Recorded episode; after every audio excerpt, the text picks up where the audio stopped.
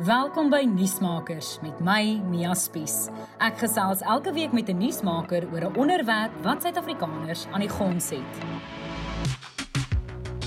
Die oorlog in Oekraïne woed al 11 weke lank. Duisende mense is dood en miljoene mense het nou reeds uit hierdie land uitgevlug En daar is steeds geen aanduiding dat Rusland 'n einde aan die oorlog wil maak nie. Ek gesels gereeld met Michelle Potgieter, 'n Suid-Afrikaner wat in Oekraïne woon, oor die situasie daar en sy sluit nou weer by my aan uit haar tuisdorp Rennie in die Odessa streek. Michelle, die laaste keer toe ons gesels het, 'n maand gelede, het jy vertel die konflik kom al nader aan julle hawe stad in die suide van Oekraïne. Vertel my van die laaste paar weke daar by jou. Mia, die afgelope paar weke was regtig gespanne geweest reg oor die hele Oekraïne, maar ook veral in ons deel. Kyk, ons is so 3 ure se ry van Odessa af en hulle het begin meer en meer konsentreer op Odessa en die gebied langs die Swart See. So ons is 'n hawe dorpie aan die Denau rivier wat natuurlik uitmond in die Swart See. En op hierdie stadium is ons dorpie die grootste werkende hawe in Oekraïne.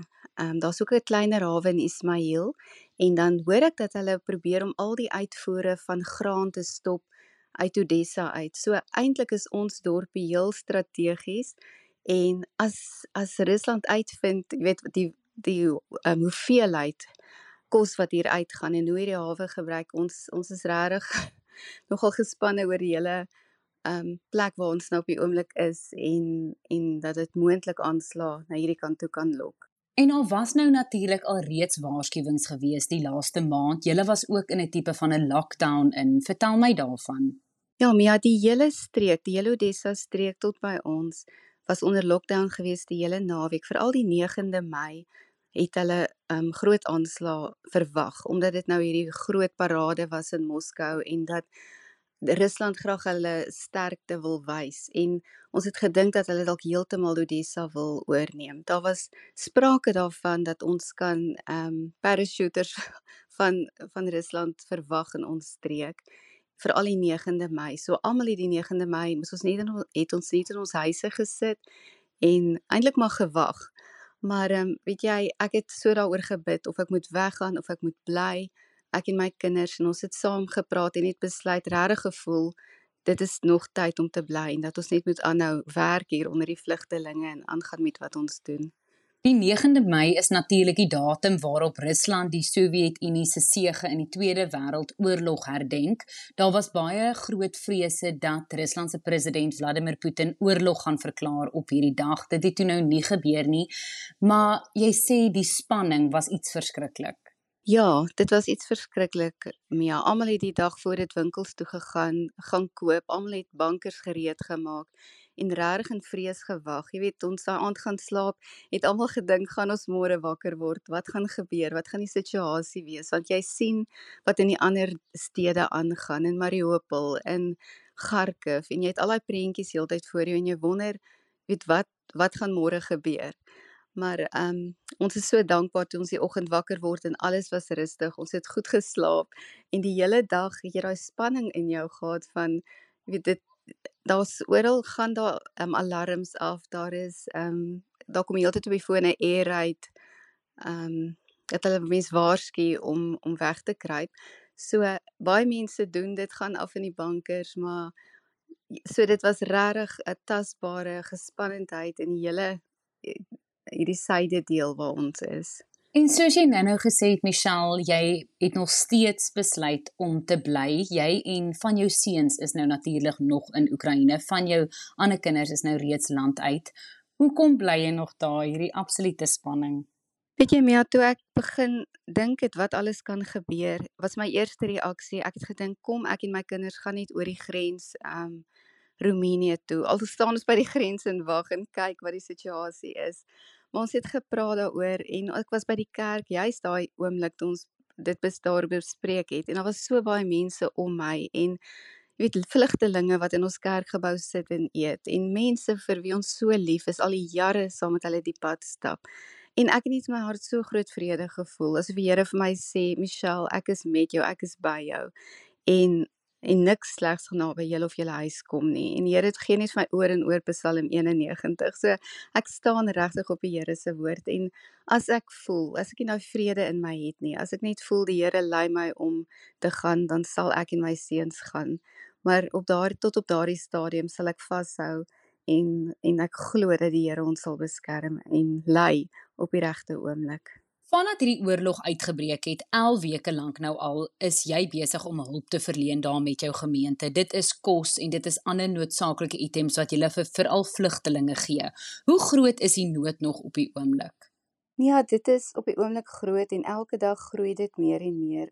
Veral omdat daar nou meer aanslae op Odessa. Kyk, ons is die naaste wegkruipplekkie of hoekie naby die grens van Roemenië. So baie mense begin hierdie kant toe te stroom.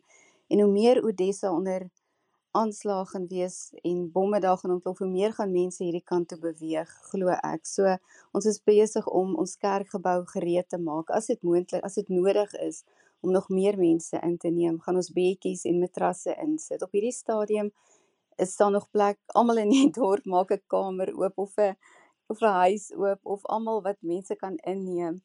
Um neem mense in en en ons gee nog elke dag vir mense kos. Op hierdie stadium is daar so um, 65 mense wat elke dag by ons kom eet. So die daar's mense wat inkom, 'n paar dae bly en dan uit die land uit beweeg. So ons is ons is regtig so 'n plekkie waar mense net kan kom skuil en en rustig wees. En weet jy as mense aan daai tafel kom sit en daar's 'n warm bord kos voor hulle, ons gee vir hulle klere sodra hulle aankom. Ons ons gee vir hulle pak kos um, met alles wat hulle kan nodig hê vir die tydjie wat hulle hier in Rennie is. En dan begin mense sommer net huil. Dit is net so hartroerend want party van hulle het eh, letterlik daar's 'n mamma met wie ek nou daag gepraat het. Sy het met sy het 'n maand lank met 'n 3-jarige, 'n 5-jarige en 'n 8-jarige in 'n banker gesit in Mariupol. En sy sê sy dan in haar hele maand kon sy een keer kon sy bietjie bad of haarself was jy kan dink hulle kom uit daai omstandighede uit en hulle het niks as hulle aankom en ons en ons gee nie vir hulle liefde. Ons sit met hulle en ons luister hulle stories en hoor waar die hulle is en ons huil saam en ons bid saam met hulle. Ons nooi hulle kerk toe. So jy bou so 'n verhouding met met hierdie mense en wanneer hulle na 'n rukkie of na totdat hulle dokumente reg is of totdat hulle besluit om uit die buite na die buiteland te gaan, um, het jy al so 'n regte verhouding met daai mense En dis ook traumaties van hierdie stories wat mense vir julle vertel. Is daar ook mense wat ehm um, wat dalk iemand verloor het in die oorlog, in hierdie konflik, hierdie absolute traumatiese stories wat julle nou die laaste paar weke moes hoor van mense wat direk in hierdie konflik was? Ja, verseker, elkeen het iemand wat hulle verloor het of wat wat mense, alle bure, ehm um, ouers. Dit is hartverskeurende. Hierdie een vroutjie met wie ek nou nou eendag gesels het, sy het gestaan met haar man. Haar man is 'n is in die weermag. So hy mag nie saam met haar gevlug het nie. Hy's nog steeds in Kharkov en terwyl hulle staan, het daar 'n bom langs hulle ontplof dat hulle albei so 7 meter in die lug vlieg en die vloerteëls het eintlik uitgespring en sy het sy het gevlieg en dat sy daar geval. Sy het nie baie seer gekry nie.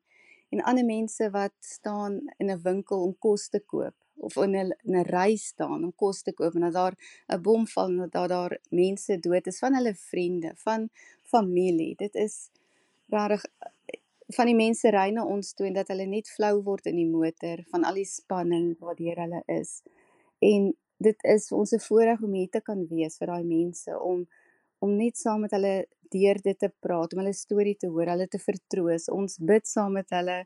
Ons nooi hulle kerk toe en van hulle kom Sondag selfs na die diens toe, gee hulle harte vir die Here. So ons kan sien dat die Here besig is met daai genesing in hulle lewens en ek sien nou hoekom hy my hier geplaas het en juis op 'n tyd soos nou dat ek hier in Oekraïne kan wees om vir die mense wat uit so swaar en moeilike omstandighede kom net bietjie lig te wees en liefde te gee en dat ons as gemeente hulle kan bystaan totdat hulle uit die land uitgaan. En dan natuurlik is jy ook so 'n belangrike deel om mense in die buiteland en dan veral in Suid-Afrika te help inlig oor hoe ernstig die situasie is want ek dink na 'n paar weke nou al amper 3 maande raak die wêreld ook afgestomp maar dit is absoluut nog op mespunt daar by julle Michelle. Ja, Mia, ons beleef dit elke dag. Jy weet, elke dag is daar mense met wie jy in aanraking kom. Ek verstaan die Russiese nuus en ek verstaan wat hier aangaan en goed wat nie altyd in die weste uitkom nie. So, ehm um, dit is dit is hartverskeurende. Dit word nie minder nie, dit word meer. Dit kom nader. En elke dag weet jy nie wat wat gaan gebeur nie. So, ehm um, ja, dit ek wil net hê mense moet aanhou bid vir Oekraïne, aanhou intree, aanhou help en stuur en bemoedig en elke boodskap is vir ons so so kosbaar. Michelle, jy het op die oomblik besluit om te bly, jy en jou seuns, maar jy help ook van die families wat probeer uitkom. Ek sien nou onlangs het jy um, probeer help vir 'n gesin wat Amerika toe wil gaan, vlugtelinge. Is dit ook vir jou belangrik om um, mense by veiligheid te probeer uitkry? Ja, verseker, veral mense met kindertjies, weet mense weet nie wat verder in Oekraïne gaan gebeur nie en wat in die toekoms gebeur. As mense net mense kan uitkry en op 'n veilige plek kan laat bly totdat die oorlog verby is en al vestig hulle hulle daar, dis lewens wat 'n mens red, glo ek. Dit is dit is daai kindertjies is hier soveel trauma en soveel hartseer. Baie van hulle het ouers verloor en So dit is vir my wonderlik om te kan deel wees aan die groter netwerk om mense te help vlug en daar's so baie mense, vriende in veral in Engeland en Duitsland en wat wat bereid is om mense in te neem. Ek ek sien so verstom oor mense hoe mense reageer en net sê ja, ons wil help en ons ons sal mense inneem en ons sal mense ja, of hulle blyplek gee of hulle help met die pad of wat ook al. Daar is daar's 'n hele netwerk van mense wat wat net hulle harte en hulle huise oopmaak om mense te help. Ek sien tot in Brittanje is daar 'n buikseil gehou vir Renny en vir die werk wat julle doen. Hoe voel dit vir jou om te weet dat daar reg oor die wêreld dalk kan iemand nie help om iemand in te neem nie, maar dat mense hulp wil verleen en kry julle ook hulp van Suid-Afrika af en Suid-Afrikaners af? Ja, verseker Mia, ons het baie Suid-Afrikaanse vriende wat ons help. Ons is so dankbaar vir gemeentes wat wat agter ons staan en vir ons help om hierdie werk te kan doen. En dan is daar mense wat beertjies brei en dit verkoop of of hierdie buikseil in in ehm um, dis in Maidstone en Jubilee gemeente. So dit is ook vriende van ons wat ons jare mee pad stap wat wat net hulle net hierdie idees kry en mense se harte wat net so oop gaan en dat ons dan kos kan aankoop en vir die vlugtelinge uitdeel en help met klere enigiets wat hulle nodig het. So ons is ek is staan net regtig verstom en ek is dankbaar oor hoe mense net saam met ons leef en beleef dit wat wat wat gebeur gaan. Michelle, hoe kan mense nou betrokke raak? Jy het gesê mense brei beertjies, hulle bak koeke vir julle. Hoe kan die gewone Suid-Afrikaner betrokke raak? Ja, heel eerstens is is om vir ons te bid, net vir die Here se beskerming vir ons dorp hierdie nie. Um omdat ons so strategies geleë is, omdat dit 'n hawe dorp is en um enigiets kan hier gebeur as hulle begin om die hawe te bom. Ons is 'n klein dorpie, so bid asseblief net vir ons beskerming vir ons dorp en dat die russe se oë toe sal wees vir wat hier in ons dorp aangaan want dit is regtig dis net 'n wonderwerk wat ons sal red van van hierdie oorlog. En dan tweedens as mense ehm um, enige ietsie wil bydra, is hulle meer as welkom. Natuurlik elke sent gaan vir kos en vir klere, vir beddens of wat hierdie mense ook al kan kan nodig hê as hulle uit daardie omstandighede uitkom. En dan net laastens Michelle, ons hoor nou redelik min weer van die vredesgesprekke. Dit lyk nie asof 'n einde in sig is vir hierdie oorlog nie. Wat is julle gevoel daar op die grond en wat is ook julle hoop? Ons glo nie vir Putin nie. Selfs as hy sê hy gaan iets doen, dan weet ons hy gaan dit nie doen nie. As hy van vrede praat, dan weet ons dis die teenoorgestelde want selfs voor die eerste inval het hy gesê daar gaan nie wees 'n inval wees nie, maar hy doen dit in elk geval. So mense hier het nie meer hoop nie. Hulle dink hierdie oorlog gaan vir baie aan baie lank aanhou en mense weet nie wat om volgende te verwag nie. As hy 'n volskaalse oorlog aankondig in Rusland, gaan hulle soveel meer soldate instuur. So al wat ons kan doen is om die mense te help soos ons kan om hulle uit die land uit te kry so gou moontlik om hulle by te staan en wel maar elke dag net te hanteer soos wat dit kom. Ons weet nie wat môre gaan gebeur nie. ons lewe van dag tot dag en ons kyk wat môre bring, maar ek al wat ek weet is die Here is met ons en ons moet maar net aanhou en bly glo. Nuusmakers met Mia Spies is 'n produksie in samewerking met die Potgooi Produksiehuis Volume. Ons vervaardigers is Roland Perolt en Kairen Blau. Moenie volgende week se episode misloop nie wanneer ek weer by 'n kenner aanklop om lig te werp oor 'n kwessie waaroor ons meer moet weet.